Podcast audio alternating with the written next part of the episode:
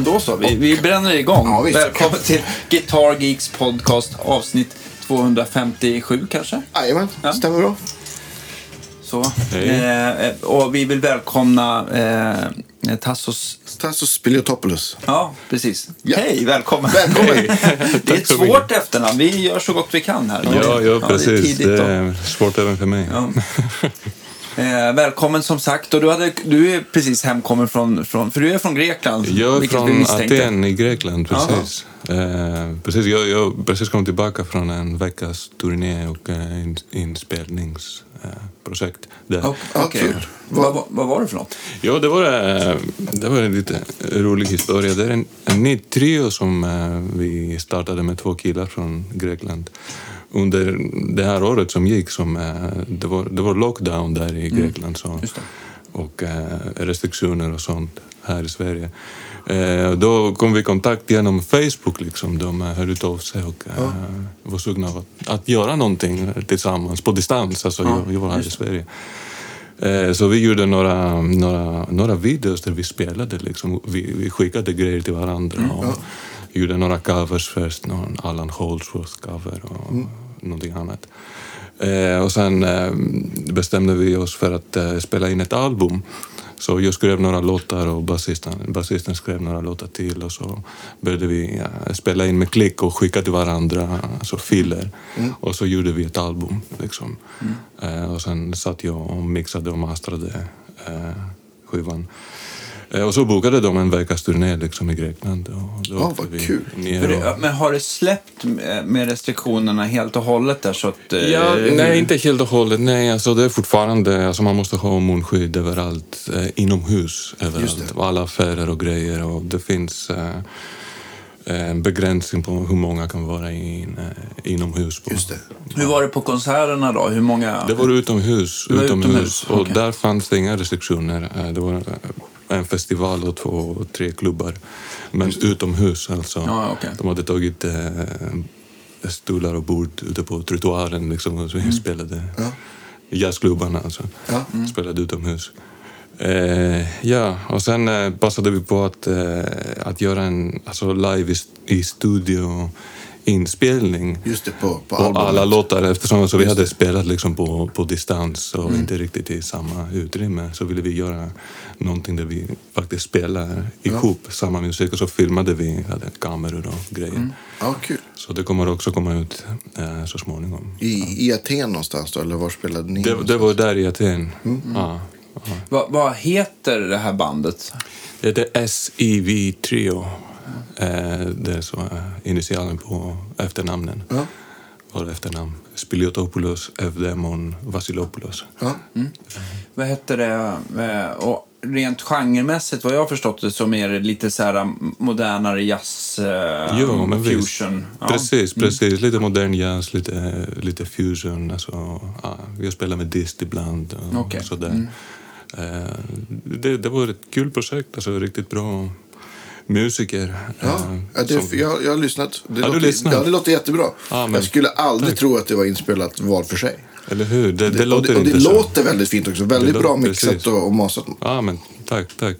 Jo, det borde, alltså, Om du säger det, du som ändå sitter med det där dagarna igen. Ja, alltså. men visst. Ja, men det låter toppen. Ja, du håller också på med Ja, visst. mix och ja.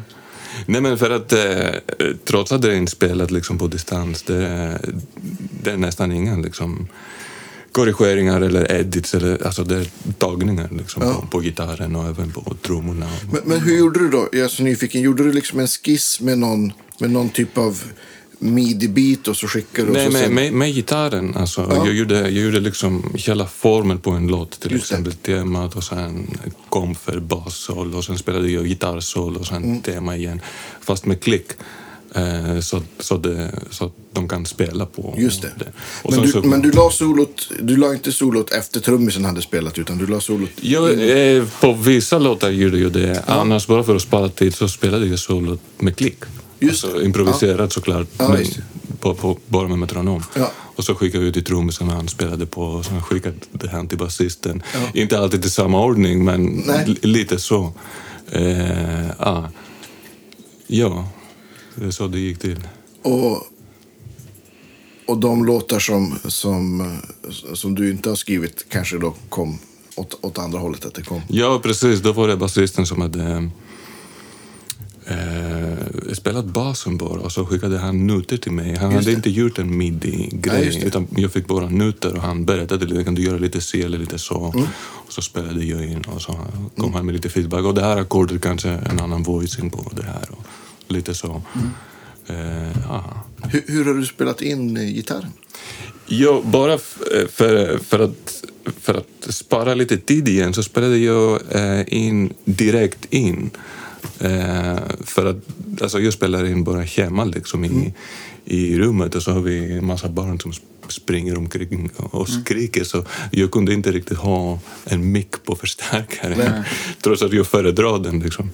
Eh, och det, var liksom, det skulle ha tagit jättelång tid om, om jag skulle förvänta mig att hitta en lugn stund någon gång under Ja. dagen. Och sen packa upp och ner allting. Precis, ja. precis. Och då blev det direkt in i, i ljudkortet och bara spela liksom. Med min pedal och då hade jag alla mina delays och grejer. Ja, visst, du får visa det. Du, hade, du var ju så himla snäll och tog med Ja, men pedal visst. Ja, men och jag- jag... favoritgitarr. Favoriter? Så ska vi, ska vi ta upp alla, ja, eller Vad ska vi strax. börja med? Ni, vi får se. Ja, nej, men jag tänkte också, men eh, det, innan vi rundar av med, med inspelningen där, hade du, hade du någon mjukvara som du kopplade, som du eh, satte soundet efter och vad Ja, du för nej, alltså, jag spelar in med Logic på, Okej. på en Mac.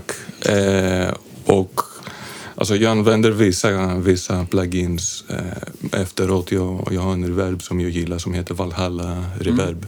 Ja, den är Eh, fantastisk. Den är riktigt, riktigt bra. Så jag har sett två olika tror jag. En som är plate, massa plate reverb och den andra som är eh, digital reverb. Just det.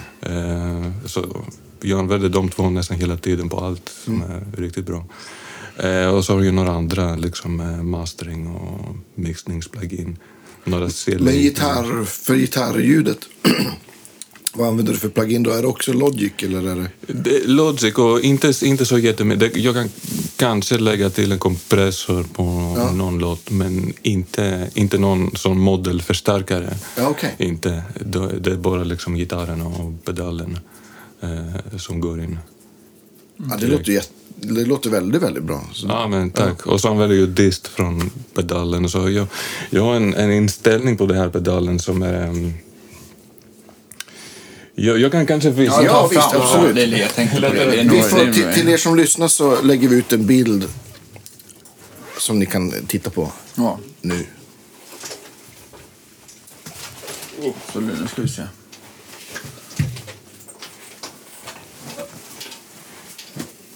Så, det är det här.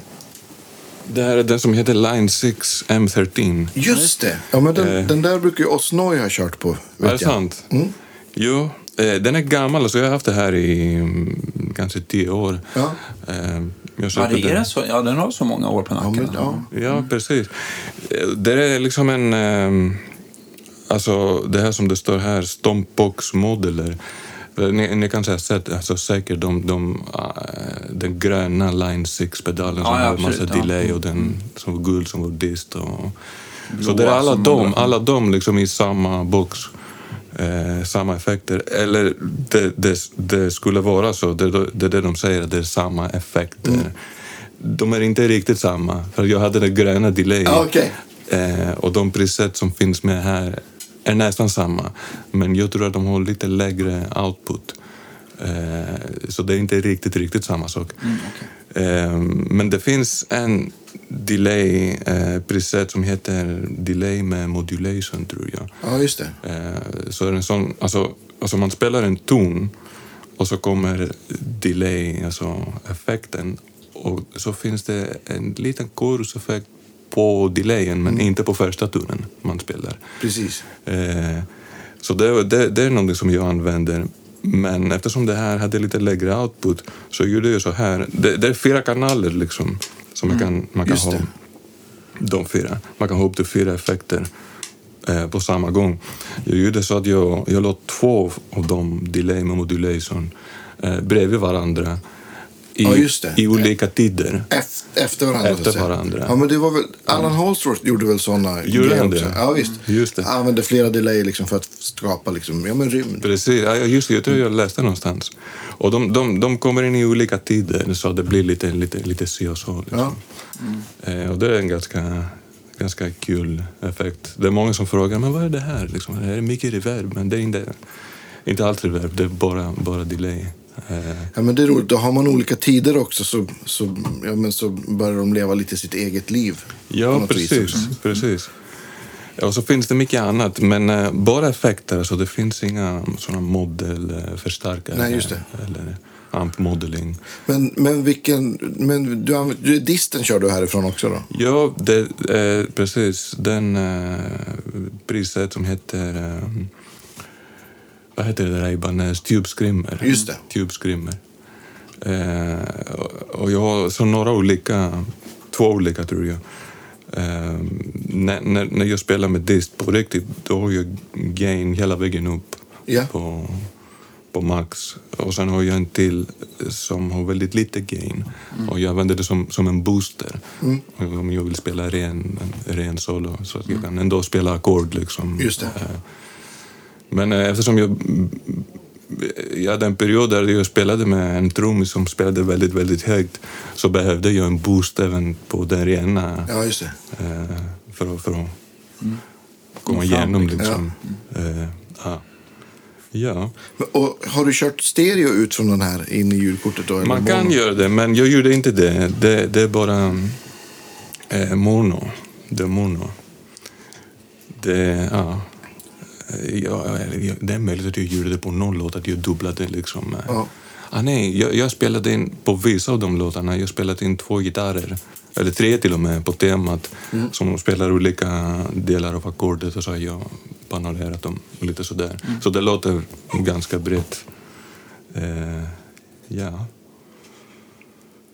Nu är jag väldigt nyfiken på din gitarr också. Ja, absolut. Då vi, håller, då vi, börjar, då vi liksom börjar med... Då är sitt kaffe. Ja.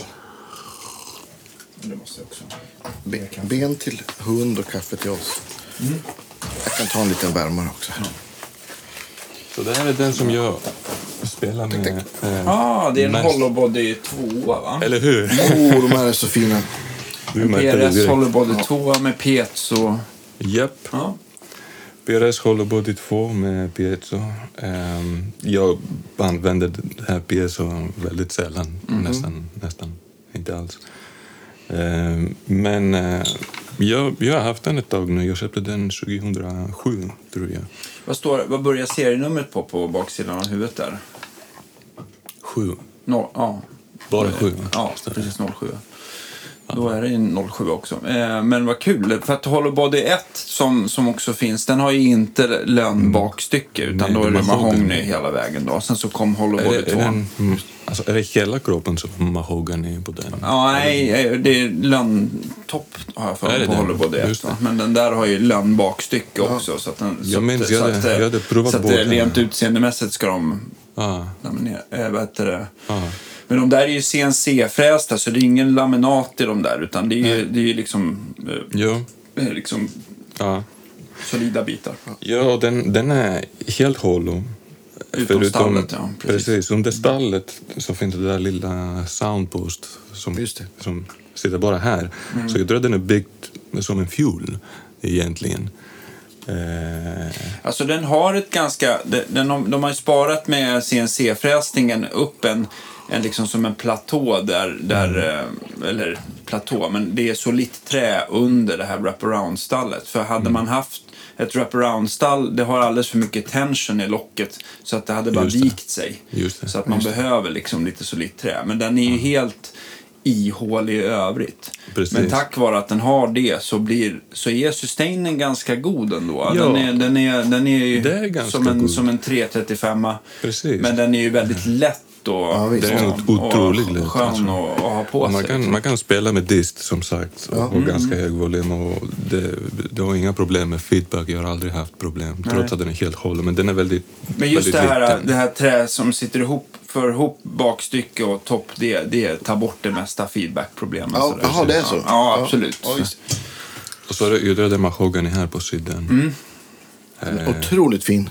Ja, de där är, jag vet inte om de där finns längre, men Nej, de jag var ju det. fruktansvärt dyra även 2007. Va? Alltså jag hade en som heter Hollow Body Spruce. Ja, just det. Men då är det ju... Då är det Som ju jag köpte på Tiptop. Jag tror att du jobbade där då. Det var precis då jag flyttade till Stockholm. Okej. Som är en sån där som jag ångrar att jag har sålt ungefär ja, men då, fem gånger alltså, per år. jag jobbade där i två perioder, orkade jag.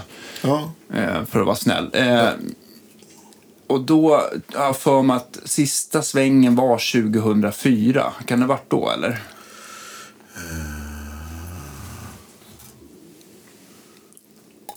Nej, det måste ha varit tidigare. Det måste ha varit Sen fanns det ju bara, eh, 99 2000. Ja. 99 2000 var det. Mm. Han hade ju eh, PRS och det, han hade ju Europas bästa priser. Det var ju bara att han skippade en marginal eftersom han köpte direkt. Så att Ja, okej. Han fick inte ha kvar det sen för handlarna blev lite sura på honom. Jag, jag kommer ihåg att den, den, då jag köpte den så kostade den 37 500. Just det. Då. Då. Ja. Ja. Nej, men jag köpte inte det här så, så dyrt. Eh, Det här är dessutom den som heter Artist Package. Ja, just det. Eh, Så Ah, då, får, okej. då, då får man ju sån här Ja, och lite power-inlägg istället för um, Ja, och det här är Bra- och Brazilian, guldhardware. Brazilian rosewood som går hela vägen upp Ja. här. Ehm, Men alltså jag, jag, jag brukar få lite rabatt från, från PRS så jag har köpt ja, jag har tre stycken. Ja, kul. Ehm, Så jag, jag tror att jag betalade typ eh, 30 för den Ja, här. det är jättebra. Men det ska kosta typ 45. Ja, jag tror inte att det räcker. Och nu är det ju inte så himla lätt att få tag i, i Brasilien överhuvudtaget. Nej, så det, hur? det- Ja. Nej, jag kan tänka mig att en sån där gitarr kommer gå upp i pris just, just därför. För att den kanske inte är den vanligaste modellen. Och, och Nej. Jag, jag tror med Artists Package, för då, 2007, så var det en upcharge på 10 000. Ja, Jaha. precis. Eh, Så att jag misstänker att den där gitarren skulle ha kostat, alltså idag så skulle det nog inte, jag tror att det är 55, mellan 55 och 65 hade nog varit mer rimligt. Är det sant? Så Ja. mycket? okej. Då måste jag vara försiktig med det. Ja, precis. Bara slänga runt hela Ja, precis. De är med på, på flick, Men, men har du fler grejer. såna hollow bodies? Eller? Nej, inte hollow bodies, men eh, jag har en... Eh, det är så här att den här gitarren, halsen är den som kallas för wide fat. Just det. Så den är ganska tjock. Så jag har haft problem med det jättemånga har tyckt att, att den är lite för svårt spelad. Men jag har gillat soundet, det är därför jag fortsätter att spela den. Liksom.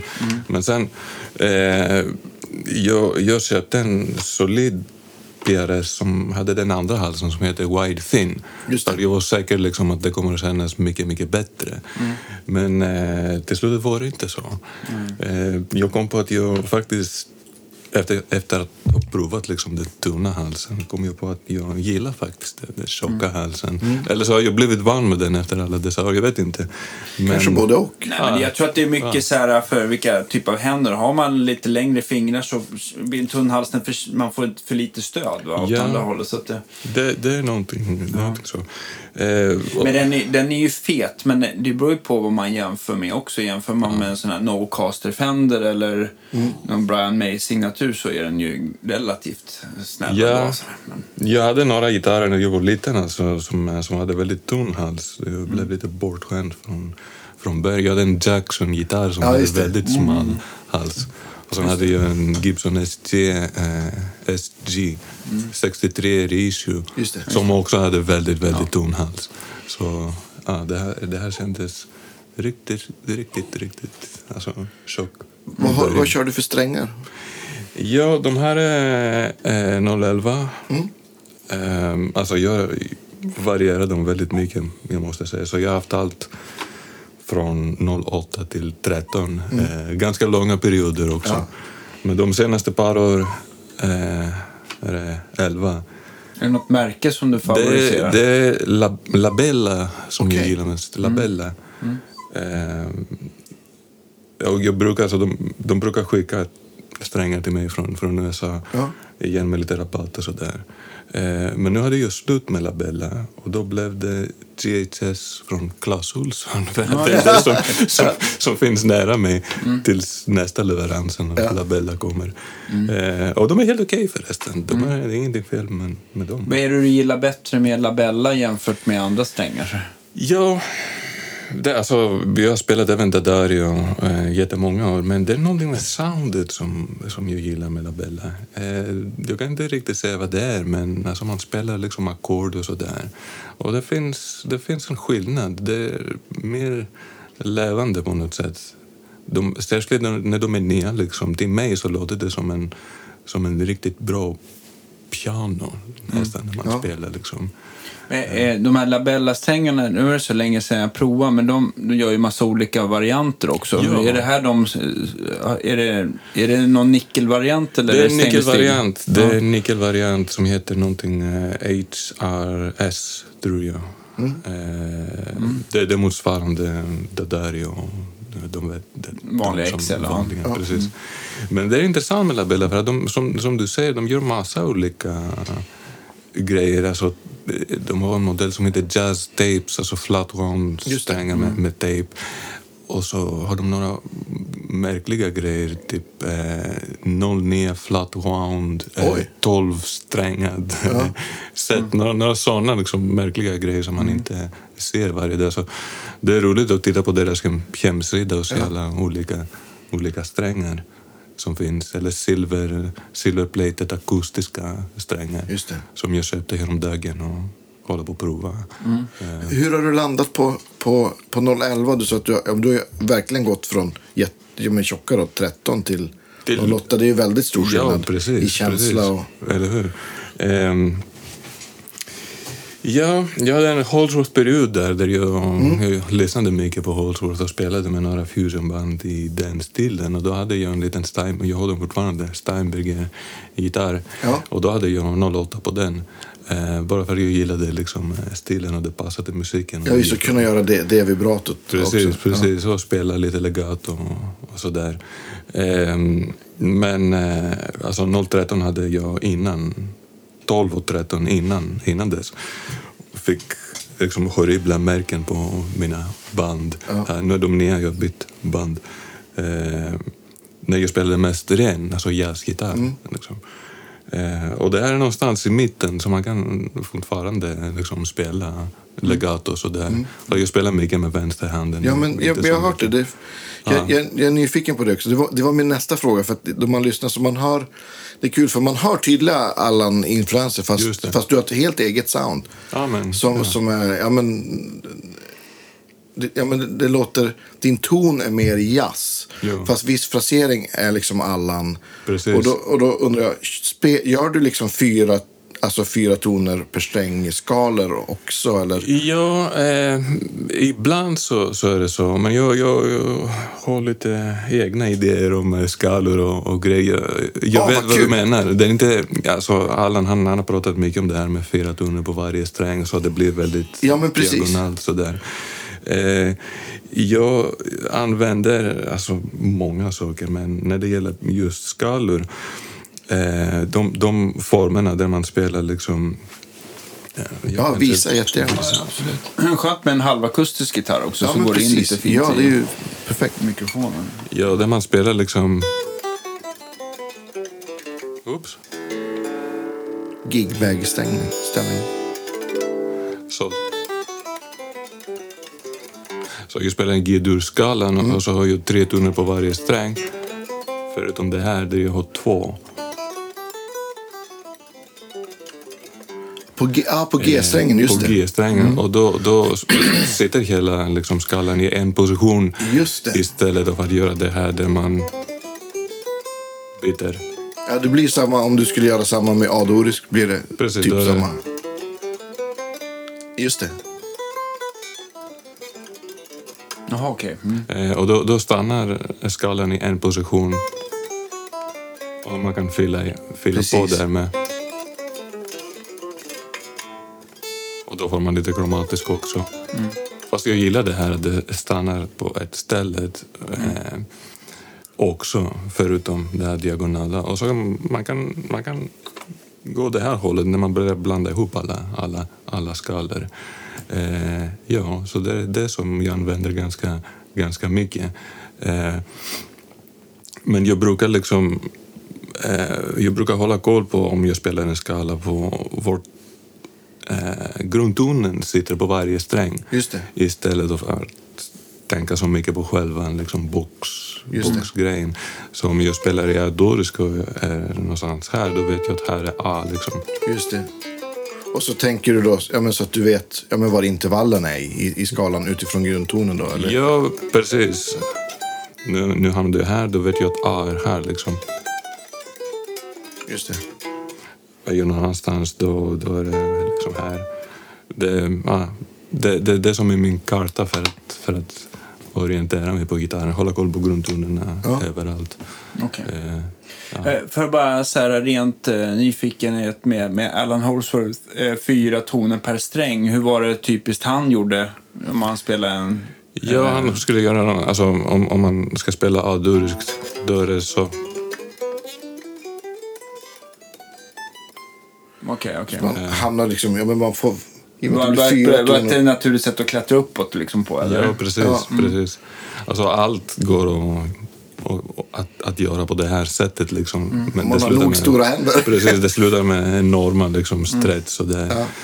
ja, man spenderar liksom, eh, jättemånga år med att Ja. få ihop det här. Då kanske kan man göra de otroliga grejer som han gjorde. Ja, Men, jag, jag eh, vet alltså, inte om, om det finns någon intervju där han liksom pratar om hur han kom fram till det. Eller, Ja, det måste... Ja, möjligtvis på någon tidning, gammal eh, gitarrtidning. Ja. Eh, det, det, ja, det finns en intervju. Jag minns inte riktigt. Men jag hade läst någonting. Magnus Olsson borde väl ha koll på det här. Ja, absolut. Ja. Ja. Han skriver i vår Facebook-tråd, tänker Ja, jag. Mm. precis. Och så använder jag en annan grej här som heter... Ja, ett, ett system kan man säga som jag kallar för arpeggio chain system. Okej. Eh, som är mitt, igen mitt sätt att, att hitta allt jag vill liksom, på, på halsen. Och det här, det här handlar om arpeggio, så det går till så här. Alltså, om man ehm, säger att man, när man spelar ett C- C-dur, eh, C-maj 7 arpeggio, och man gör det på en oktav bara, så bara fyra toner. Alltså det finns fyra möjliga sätt att, att, att spela det. Så man kan börja med pekfinger och så är det det här i en oktav. Ja. Eller så kan man göra det med, med långfinger. Och det är det här. Eller ringfinger. Just det. Just det. Eller lillfinger. och det finns inga andra sätt, det är bara de, de fyra. Och man kan göra det här på, på varje sträng liksom.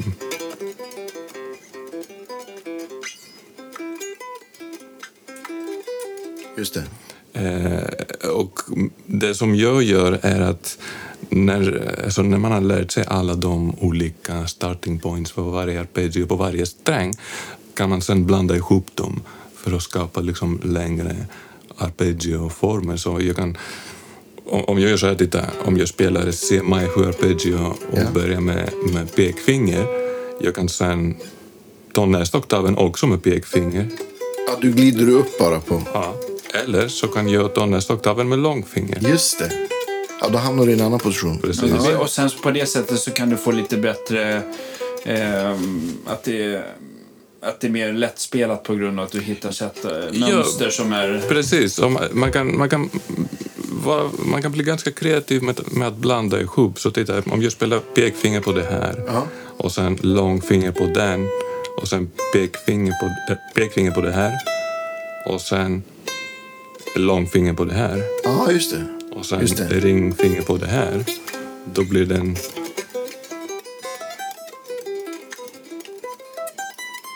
Just det. en sån grej som är, som är ju då fem, sex stycken en oktav arpeggios, arpeggio med olika starting. Precis, och om du då börjar så att du börjar på ters eller kvint eller sjua så, så blir det ju väldigt många. Ja, då blir det ännu mer. Ja. Ännu mer. Just precis, det här var liksom grundtonen. Ja. Eh, ja. Så jag, jag har gjort en video faktiskt, en instructional video som heter Arpeggio Chain System. Okej. Där jag liksom Kan man hitta den på YouTube? Ja, det är på min, hem- min hemsida. Ja. Eh, så jag har skrivit en bok där jag liksom, eh, spelar många, många sådana i olika former. Dur, moll, Ja. alltså, och några lite mer märkliga. Ja. Och en video som går med, så det är ganska roligt. Det ska vi dela såklart. Ja, visst. Ja.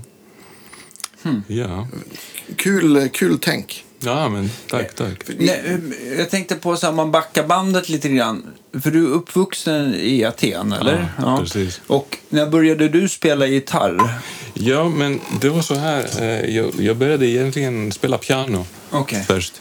Eh, väldigt tidigt, när jag gick i ettan, när jag var sex år. Liksom. Eh, och höll på i kanske fem år. Men eh, det var så här, alltså, jag hade en riktigt bra pianolärare när jag, när jag började. Och jag trivdes ganska bra, men sen eh, så dog hon i cancer. Och sen hade jag en serie av eh, andra lärare som var mindre bra, eller väldigt stränga, klassiska Ah, okej. pianolärare. Och jag var väldigt, väldigt liten och jag tror jag blev lite skrämd. Liksom. Och så var det bara liksom klassisk musik och man fick läsa massa noter och spela alltså, läskiga, svåra grejer från en väldigt tjock eh, pianobok.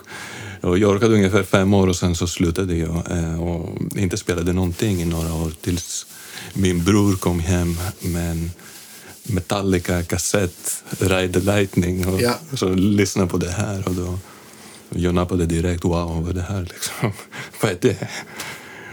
Och eh, ja, då, då liksom, eh, bestämde jag mig för att eh, plocka upp en gitarr och försöka liksom, spela. Min pappa hade en gammal akustisk gitarr hemma. Så jag var runt kanske 12-13 år.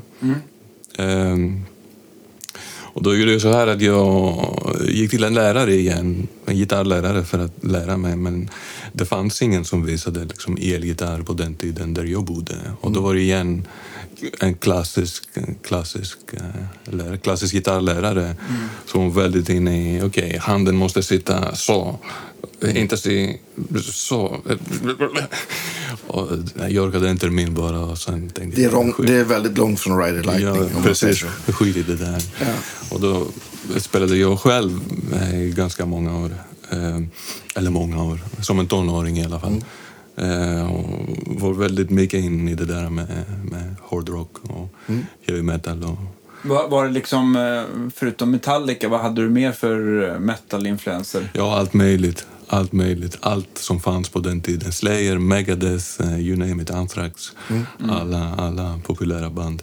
Hade, ha, fanns det några lokala liksom, band som du var och tittade på också? Eller? Ja, det fanns, det fanns och eh, det, det fanns några bra band på den tiden i, i Grekland och det var en som var väldigt eh, väletablerad som jag fick spela med till slutet så det var ganska roligt. Det var ett band som heter Flames. Eh, inte In Flames, men, men Flames. De, de är ännu äldre än In Flames tror jag. Jag tror att deras första platta kom ut 84. Okej. Eh, och de spelade thrash metal, alltså på riktigt. Eh, och jag hade ett eget band då, med mina kompisar där och gjorde demos och så vidare och skickade dem till Metal Hammer-tidningen. Ja. Och fick lite en, en review, en eh, recension och det var lite roligt och sådär. Och sen hörde det här bandet mitt eh, demo och bjöd in mig att, att spela med dem. Eh, och de, de var kända så, de spelade mycket. De hade gjort fyra, fem plattor på den tiden.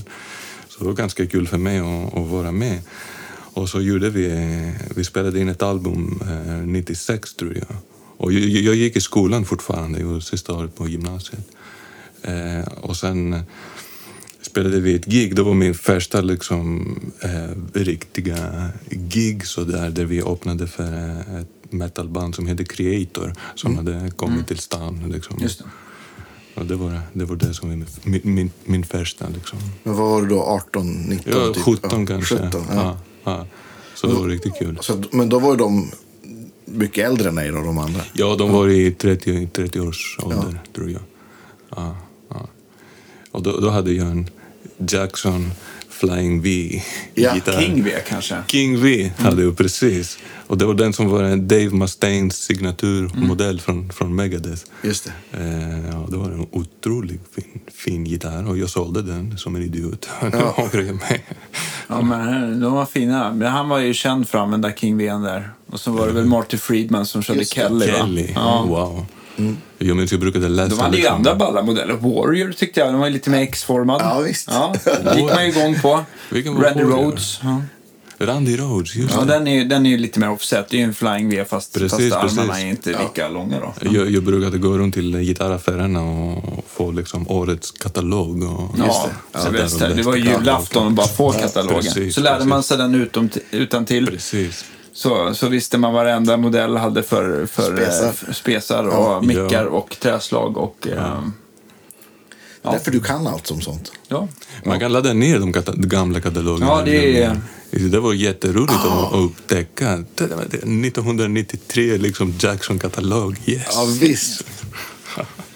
Ja, precis. Va- Men de har, ju, de har ju haft några så här... äh, Alltså, nu vet jag inte riktigt hur de är nu. För jag tycker vissa märken är så himla bra på att knyta an sig bra gitarrister. Mm. PRS har ju varit ganska aktiv, eh, aktiva Verkligen. på senare år. Så där, men jag tycker, jag tycker ett märke som alltid har varit kanske bäst på att knyta till sig gitarrister i sin genre har ju varit Ibanez. Just det. Just De har ju liksom Ja. alltid haft några så här riktigt tunga Ja, och namn. i olika stilar också. Både rockgitarrister och även Pat Ja, Metheny, och John Pat, Scofield liksom, och George Benson. Ja, eller de. hur? Eh, Ja, precis. Så de är bra på att liksom öppna upp till alla möjliga. Ja, jag Josh tror, Smith, jag tror mycket att det är ett, att bygga ett varumärke, att få in, nu, nu ska man ju göra bra grejer Ja, men givetvis. visst. Men, eh, men det är ju väldigt, alltså just att knyta an, fortfarande. knyta an sig bra folk, det är liksom, Ja. alltså folk eh, lyssnar ju med ögonen också lite grann sådär. Så att Ja. det, det, det, ja. Nej, men som jag tänker på, ja, men förra när var, det var väl Josh Smith och Laurie Basilio, heter hon va? Mm. Brasiliansk gitarrist, som båda är fantastiska. Så att de, de fortsätter ju liksom på den, den banan. Ja. Fender, Fender och Gibson, det är väl, men de har ju hållit på så länge också så att det, de är ju duktiga med. Men, men eh, ja. Men där då du spelade med Trashbandet, vad hade du för förstärkare då? Jag hade eh, den som heter Marshall Valve State. Just det. Eh, alltså head och högtalare. Vad Just heter det, den Stark, 100 watts. Ja, men- den. Jag hade den. ehm, och det var, det var helt okej liksom för att Mm. spela eh, sådär. Med riffs med, med mycket dist. Ja. Eh, men Stämde var, ni ner också eller? Nej, det var inte, det, det har inte börjat liksom bli Nej, populärt där på 90-talet så mycket. Jag tror att det kom lite senare, Ja. det där med att stämma ner. Jag tänkte att det var mycket, förutom att eh, eh, Vai själv eh, uppfann lite den idén så var det väl egentligen så här band som Korn och sånt som fick det. Och Just eh, det, Meshuggah det. var väl ett band ja, som, som, Ja. som var tidiga med det Ja, det kom sjusträngade, ja precis. Ja. Ja, det var väl kanske då det började på riktigt. Den, med, med så nedstämda liksom. Ja, precis. Men, men eh, som sagt, jag, det måste ju finnas många andra också som jag inte kommer att tänka på nu. Men, ja. Alltså det fanns eh, jazzgitarristerna som spelade eh, sj- sjusträngad gitarr. George Van Epps redan i, på 40-talet. Liksom. Eh, jag tror det var hans eh, idé för att börja med att ha sju strängar på en gitarr och spela walking bass och ackord. Eh, kanske inte 40-talet men 50-talet åtminstone. Eh, ja. Men inte så mycket riffs. George Van Epps. ja. Men, men hur, länge, hur länge var du med i det här bandet då? par år kanske. Ja. Ett par år. Och sen, det var så här att eh, vi, hade, vi spelade in det där albumet och det var kul och sådär. De försökte få en record deal alltså, som man kunde få fortfarande på den tiden. Eh, och det var någon, någon diskussion om en eh, fransk label tror jag som heter Black Dragon. Black Dragon som skulle signa oss. Eh, och det var väldigt nära att, att ske på riktigt faktiskt. Och det var ett eh, fem, fem års kontrakt tror jag för fem album. Vi skulle spela in ett album varje år. Eh, men det, det blev inte av till slutet. Det, det gick inte av någon anledning, jag vet inte, minns inte varför. Och så blev alla lite besvikna sådär. Och jag tror det var slutet på, på bandet. Ja. Just på det. Och sen, jag hade redan börjat bli intresserad i jazzgitarr. Eh, och så, jag var tvungen att eh, göra det där militärtjänst som man måste göra i Grekland på den tiden. Så jag fick klippa håret liksom. Ja. Eh, och försvinna i ett och ett halvt år. Och sen, sen gick alla vidare liksom. Eh, Vad, vad var så här in, insteget eller första jazzgitarristen eller jazzmusiken som du Ja, började precis. Det var, det var ett eh, moment där, där det liksom klickade. Och, eh, jag, jag var i en, en studio eh, och spelade in någonting. Och han som var ljudtekniker där, han, han spelade en CD-skiva i pausen. Eh, och det var det där bandet som heter Tribal Tech. Ja visst, med Scott Henderson. Scott Henderson. Och eh, jag minns låten också. De har en platta som, jag minns inte vad det heter, men första låten i plattan, i plattan heter Stella by Starlight. Det är det där är gammal standard, men Precis. det är Kennedy som gör en annan version. Och sen andra låten hade det där löjliga titeln som, som är någonting som Stella by eh, Ultra High Particle Neutron Beam. Just det. Så laser. och det börjar med ett riff. Du, du, du, du. Eh, och så spelar han sen eh, alltså världens bästa solot. Liksom. Men det som var intressant är att jag hade inte hört liksom, det här frasering eh, någonsin förut. Eh, alltså för, för mig på den tiden, eh, en virtuos gitarrist var Yngwie Malmsteen och den här stilen. Det, men där var liksom någon som Scott Henderson som inte spelade den här neoklassiska stilen.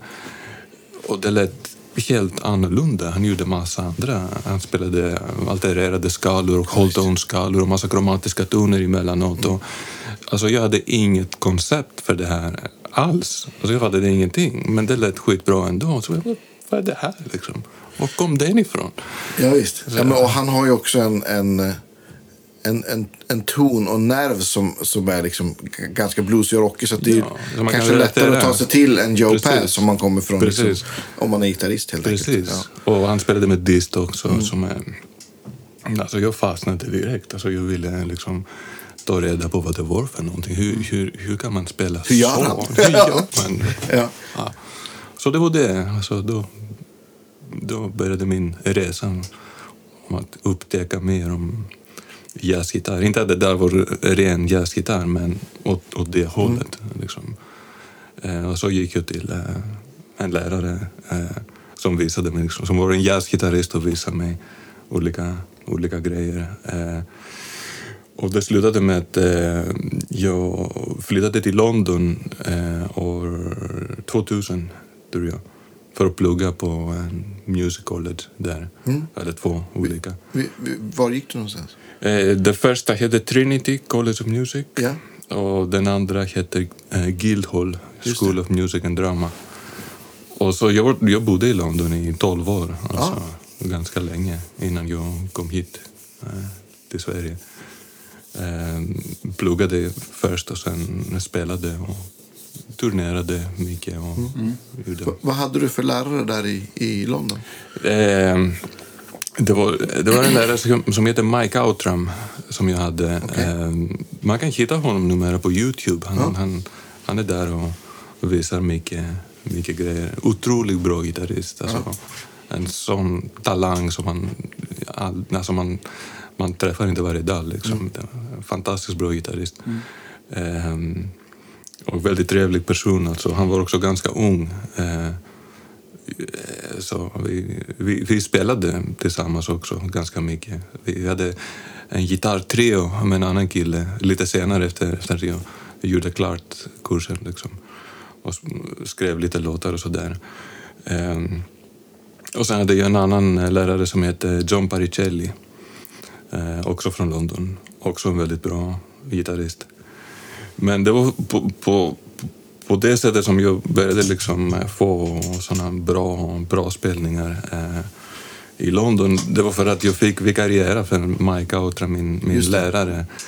Så när han inte kunde liksom eh, spela på något gig så skickade han mig. Så vill du ta det här? Okej, det, ja men visst. Vad var det för typ av gig? Det var allt möjligt från att spela solo jazzgitarr i bakgrunden någonstans till att spela med ett helt galet trio som heter The Inner Noise Okej. som var gjord av elgitarr, trummor och kyrkoorgel. Yeah, okej. Så det var helt... eh, ja, riktigt kul band. Ja. Ehm, The inner noise. The Inner Noise. Ja. Det, det, det, de, var, de var bra alltså. Eh, han som, det var trummisens band, en tr- trummis som heter Asaf Sirkis. Eh, vi spelade mycket tillsammans efter, efter det i olika projekt. Till och med vi gjorde en EP eh, nyligen, tror jag, för några månader sedan. Okej. Eh, ja. Ja. Ja, Och, men, men vad sa du, du var i London i 12 år? 12 år. Ja. Och, då, och då började du då göra ja, men gigs under eget namn och, och spela in egen musik också? Eller var det Ja, precis. Från 2005 tror jag och framåt. Eh, för att i början så spelade jag mycket jazzstandards och såna grejer och tog de gig som fanns. Liksom. Eh, men sen kom jag på att nej, men jag vill eh, skriva, skriva egen musik och göra det. Eh, och då eh, spelade jag in en, ett album eh, 2005, tror jag, eller 2006. Något sånt. Och eh, gjorde några till. Alltså jag har gjort fyra, tror jag, med egen musik så länge. Eh, och det är något som jag, jag, jag tycker om. Jag, jag tror att det är lite mer speciellt än att bara spela andras musik. För mig åtminstone. Jag Ja, men det, det tror jag att det är för alla. Om man, är, om, man, om man gillar att vara kreativ och skriva saker så... så eller har man väl börjat så är det svårt att sluta. Det är lite grann som att öppna Pandoras box. Ja, precis. Och det är också något som man måste öva på och bli bättre på. Det är inte något som bara kommer. Åtminstone inte för mig. Alltså, jag måste skriva mycket Ja. innan det kommer nå- något bra. Alltså. ja. Ja, men det, det tror jag. Det är en, en muskel som, som att ja, men, improvisera eller spela eller vad som helst. ja, precis. Eh, och när det gäller att spela med andra, då, jag föredrar det också. Jag, jag spelar hellre med någon som skriver egna låtar och vi kan göra någonting med dem och utveckla någon slags sound eh, än att spela covers eller standard. Så vi, det kan också vara kul, men kanske mer, lite mer som en jam och eh, inte så mycket projekt kanske. Ja. Hur, om, om, om du, alltså London är ju så, så stort. Tänker, det måste ju finnas... Jag har också bott i London, men det är, det är också det är länge sedan nu. Men det måste ju finnas otroligt mycket mer speltillfällen oavsett vad man gör. Även om man spelar musik som kanske är smalare. Jo, London och inte bara London, alltså eh, hela Storbritannien. Ja. Eh, på den tiden, och jag tror att det fortfarande det finns mycket musik och i London så fanns det utrymme för, eh, för alla, kändes det som. Man kunde boka liksom eh, mindre spelningar såklart och då och då lite större spelningar. Um, mycket pubar och jazzklubbar. Och det, det, det fanns... Jag vet inte hur det är nu, men jag misstänker det, det är samma nu. Det fanns många musiker som startade grejer, eh, klubbar och livescener eh, överallt i stan. Ehm, men sen som sagt, eh, det finns alltså en lokal jazzförening och jazzklubb nästan i varje stad i hela England och Wales och Skottland. och det gjorde vi mycket. Alltså, vi hade en kombibil och turnerade mycket upp och ner, upp och ner. Eh, överallt i England. Och jag, jag gör det fortfarande faktiskt. Jag åker tillbaka ganska ofta. Eh, Hur, hur, tycker du, i Eng- att, hur tycker du att det skiljer sig för att, eh, från här eller någon annanstans att spela just i England? Jag kan, tycker själv att det är lite speciellt. Så här, men men, men, eh, men eh, hur är din upplevelse? Ja, ehm, när det gäller jazz, för det är det som jag gör Ja, mest, ja, ja. eh, jazzklubbar och sådär, jag tycker att det är helt okej. Det, det liknar Sverige på, på många sätt, tror jag. Just det där jazzklubbs-viben. Mm. En grej som jag gillade mer i England är att eh, de hade lite mer öppen syn på grejer. Så man, man fick spela Ja, sina moderna... lika, det var inte lika smalt och Nej, precis. ni- Precis. Trots att-. Liksom. Precis. Trots att de är också väldigt konservativa på sitt sätt. Men Mm. de är även lite excentriska, engelsmännen. Och då kan man, man kan liksom köra sin, lite, sitt lite mer moderna projekt också. Det kommer att gå bra. Eh, jazzpubliken kommer att uppskatta den. Jag, tror, jag, jag kan tro ibland att inte publiken här i Sverige utan arrangörerna är lite blyga eller lite rädda Precis. våga boka liksom. någonting som är kanske lite annorlunda. Jag tror inte att jag spelar någonting så där jätte-out. Det är Nej. fortfarande väldigt melodiskt. Ja.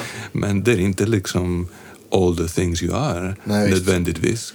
Det är lite eget kanske. Ja, men jag, jag kan tänka mig att min eh, liksom, personliga analys att ja, men, det bor ju så himla mycket mer människor där så då, då, det skapas då automatiskt utrymme för, för, en, för bredare, Jo, och det kommer liksom bredare folk från... bokningar helt enkelt. Precis, det kommer folk från hela världen. Varje, varje gång jag åker tillbaka då är det någon ny, eller många, som har kommit från överallt. Från Italien, från hit och dit. Och, Ja, men visst. och är väldigt bra liksom, musiker som spelar. Eh, ja. Ja, det är ju en jättestor stad så det, Ja. och en, en världsmetropol så det är klart att det flyttar folk dit för att... Jo, Men då, har, men, men då har du mycket kontakt fortfarande med, med, med musiker och, och, Ja. och klubbar och sånt i England? Precis, precis. När jag, när jag flyttade hit till Sverige eh, 2013 då reste jag tillbaka till London hela tiden. Ibland, de första två, tre år, åren eh, så reste jag tillbaka fem, ibland sex gånger per år. Liksom. Jag hade en massa grejer fortfarande inbokade. Ja. Eh, Nu är det inte så mycket såklart, men jag åker fortfarande kanske en gång per år. Jag var där precis innan pandemin började, mars eh, 20 var min sista, sista resa där. Eh, och det, det, det kommer igen eh, säkert. Alltså. Ja. Ja, ja. Hur, hur, hur blev sen flytten till Sverige då? Du för du har bott här sista... Hur många år har du varit Kanske åtta, nio år kanske. Okej, okej. Mm.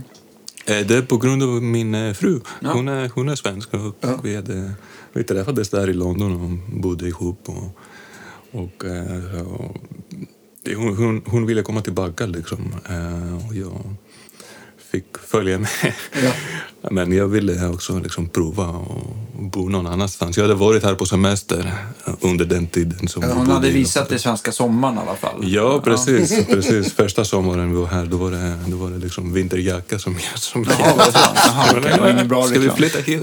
Ja. Ja. Ehm, nej, jag gillade eh, Sverige och eh, hon, hon kommer från eh, Norrland och vi hade varit där uppe ganska mycket. Ah, var, var någonstans? Jag är också norrifrån. Ja, just det. Du är också från, eh, från lite utanför Umeå. Det är jag också. Aha, var kommer du ifrån? Jag kommer från en liten by som heter Granö, mellan Umeå och Lycksele. ah, just det. Det har jag inte varit, men hon kommer från Ratan. Ja, ja men absolut. Nära kusten. där. Ja, precis. Ja, Du var jag där är från inlandet. Så. Ja, just det. Ja. Nej, men det är jättefint där. Ja. För, för mig som, som kommer från Grekland och bodde i London på den tiden, storstad. Så Ja. där, när vi fick komma till Umeå och eh, Norrland och även Stockholm, det var väldigt exotiskt. Alltså, Ja, jag hade aldrig ja, varit här uppe förut. Även i vinter med massa snö och grejer. Så det var liksom, jag, var, jag var sugen på att ja, prova att bo här en period, se hur det går. Liksom. Varför inte?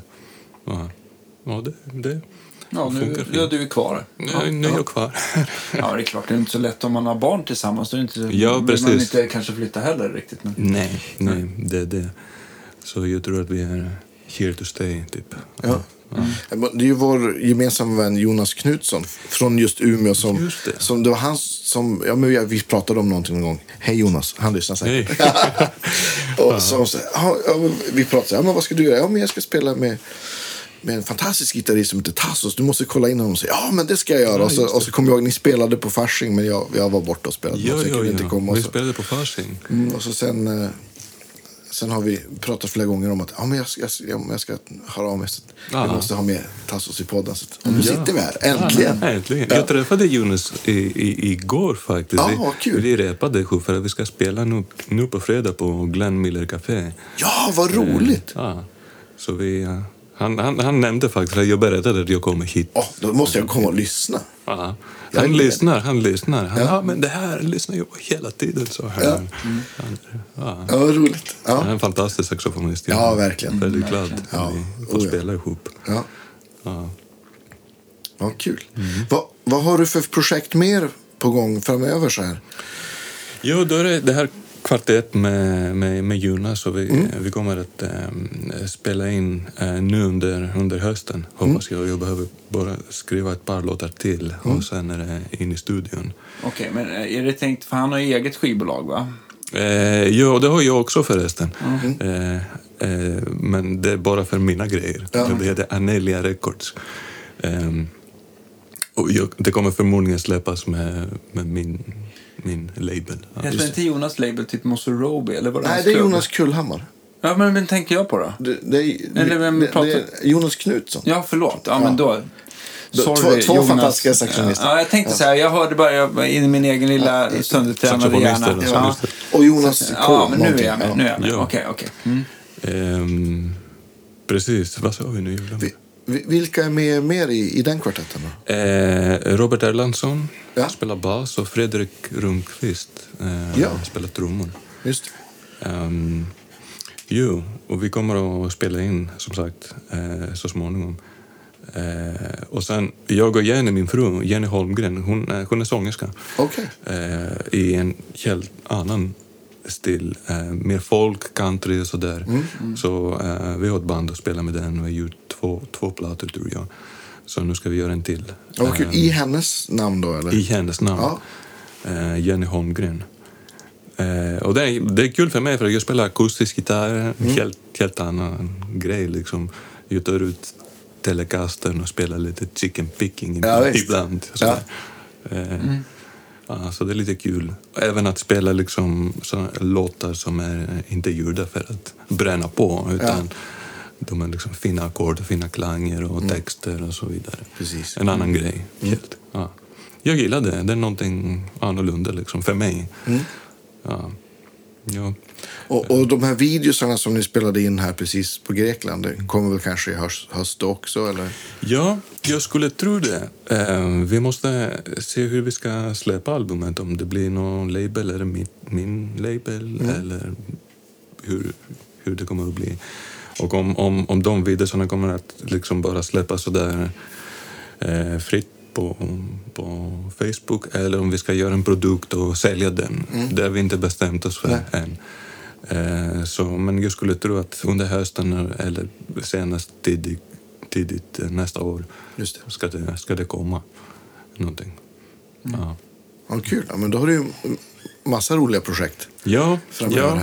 Det är bra att man liksom har grejer att göra trots pandemin och Mm. eh, all oro i världen. Ja, visst. Ja. Nej, vi, får, vi pratade om det innan här, men att nu verkar det ju släppas. Vi, vi håller alla tummar vi Ja, har precis. att, det, att det hoppas, håller. hoppas att det håller. Ja. Herregud. Ja, ja. Har du, eh, jag tänkte på just när du, när du är ute och spelar live här i Stockholm också. Brukar du, brukar hur brukar live-setupen se upp för dig med, förutom din PRS-gitarr och Line 6? Brukar du använda någon speciell st- förstärkare? eller? Ja, jag har, en, eh, jag har några, några förstärkare, men den som jag tar med mig mest är en Roland ehm, JC, det där Jazz Chorus. Just det. Eh, den som är lite mindre, jag tror att den är eh, JC 40, 40 tror jag. Just Den är en ny modell som kom Okej, ut. eh. Mm. Förut har jag haft en sån Cube, eh, lite mindre, 60. Och innan, de, innan, innan dess så spelade jag mycket med rörförstärkare faktiskt. Jag hade en Mesa Boogie Mark 3 och eh, en Fender, vad heter den, Hot Rod Deluxe. Just det. Eh, men jag har ändrat mig de senaste åren. Jag, jag, jag nästan föredrar transistor av någon anledning eh, till rör. Eh, det var så här att vi var på, på turné en gång i England där och jag hade min Fender Hot Rod Deluxe med mig eh, som gick sönder i en, under en soundcheck innan en spelning. Eh, det var någonting med rören som inte, inte fungerade och då fick jag låna en Jazz Chorus eh, 120, den större, Stora, ja. så den stora. Så de hade sittande där i, i klubben. Och det var lite roligt för han, han som var arrangören liksom, han berättade att just den förstärkaren tillhörde eh, det där norska bandet som heter Aha. Jaha, vad roligt. Och på något sätt hade den hamnat från deras manager till den arrangören i Wales, i mitten av ingenstans. Ehm, Och jag fick låna den och märkte att jag gillade liksom det här rena ljudet för att det var liksom samma i varje volym. Min Hot Rod Deluxe blir, blev väldigt liksom smutsig efter tre. för att den är kopplad på det sättet, alltså den för blues och så man, det blir väldigt liksom hett efter, efter tre, fyra. Eh, men inte det där jazzchorus, den, den, den stannar. Ja, det är väldigt rent. Precis, och då Den kan man kontrollera allt från pedalen. Precis, då kan man kontrollera liksom allt från, från pedalen Pedalen, ja, och det gillar jag. Eh, så, ja.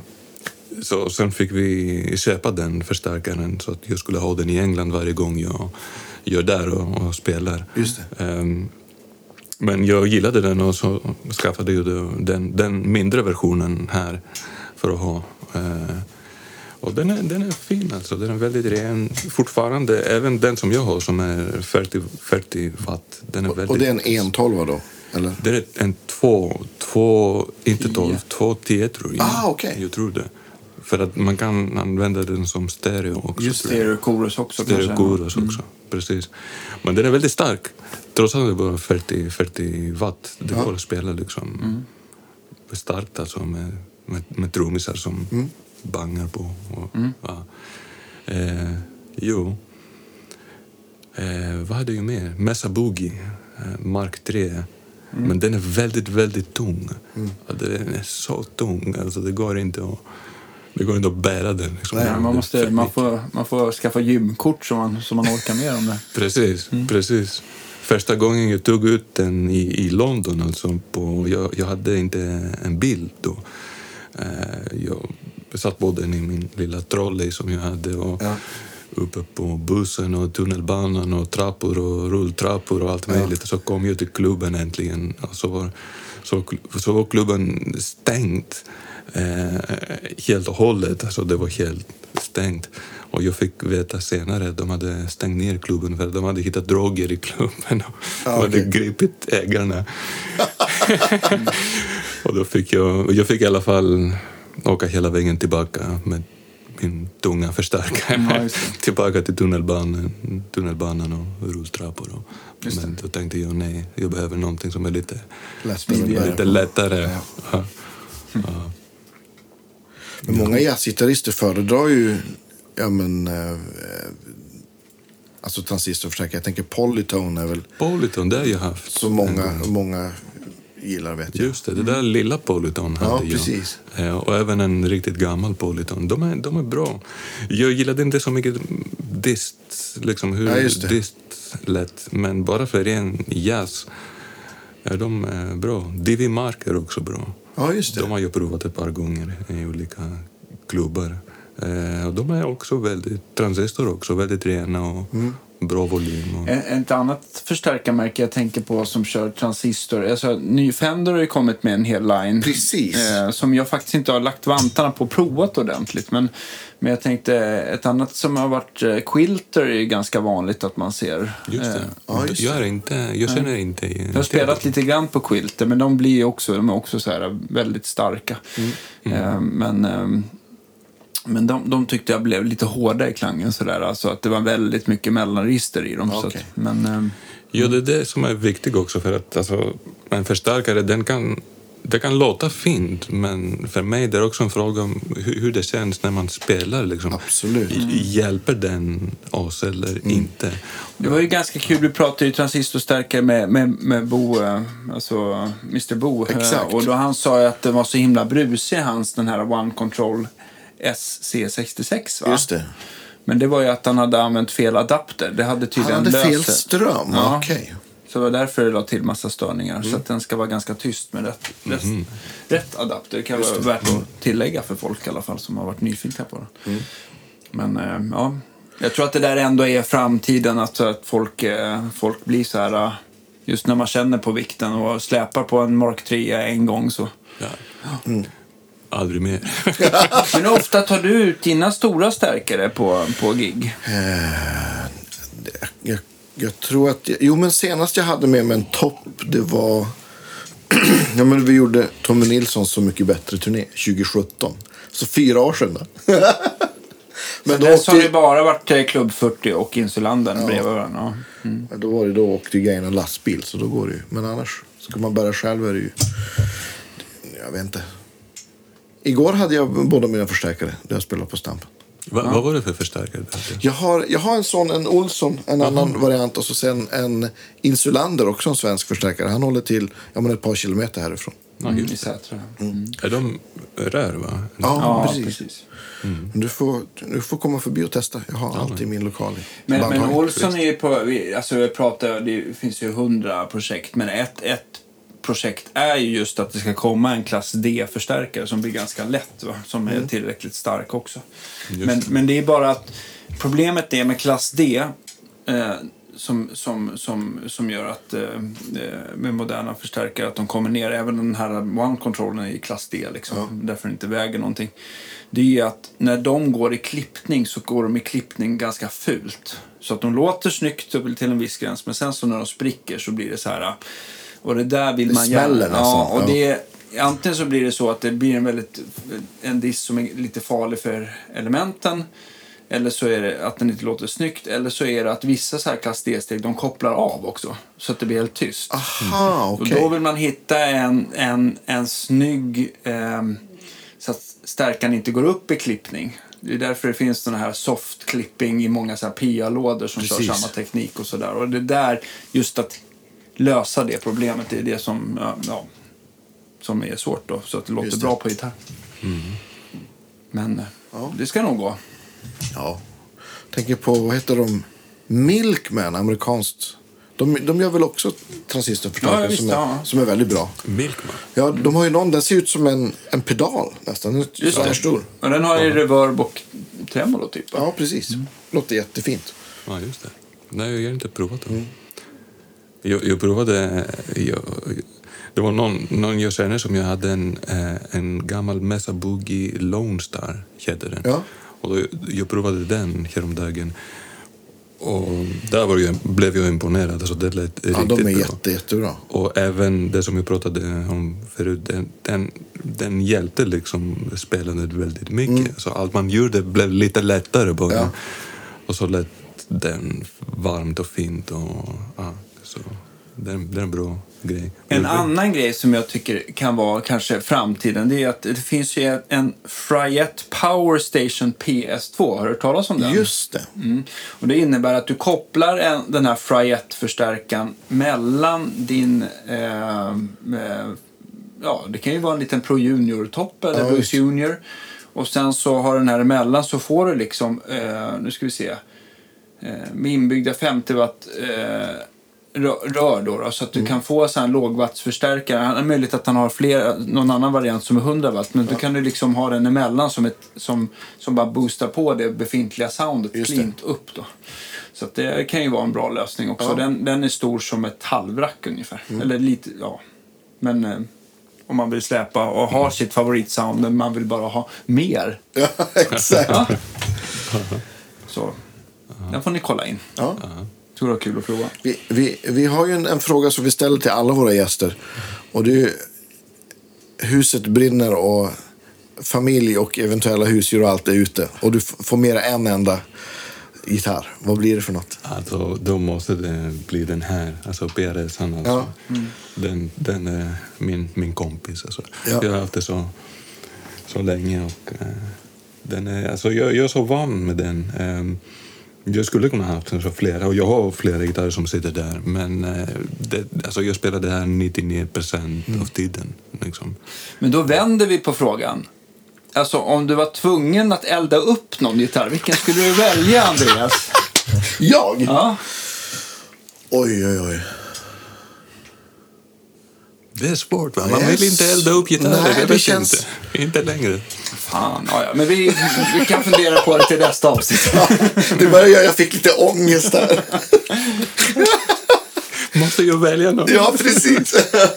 och eh, vi ska också tacka alla våra Patreons och kaffe och kaffemuggköpare och eh, Ja, men nu, finns, hoodiesar nu, har, nu finns det ju faktiskt kaffemuggar nere hos mig också för folk Precis. som har provat. Och, ja, Ja, har vägarna förbi. med, med, eh, men nu finns det på plats i alla Ja. fall. Ja. Och stort tack för att du ville Ja, komma. verkligen. Ja, men tack för att prata jag fick komma med hit. på- Och se till, då får du visa, när det blir släpp sen då, så kanske vi kan göra någon liten eh, inlägg på Facebook. Ja, men precis. Det måste ja, du dela. roligt. Det ska vi absolut göra. Stort tack för idag. Vi hörs nästa sen vecka. så, sen, så, sen så tänkte jag också på om du har någon spellista givetvis med saker du har gjort på Spotify eller något. Ja, men precis. Så postar vi gärna det nu också. Ja, men visst. Absolut. Ja. absolut. Tack för idag, hörni. Ja, Tack för idag. Hej då.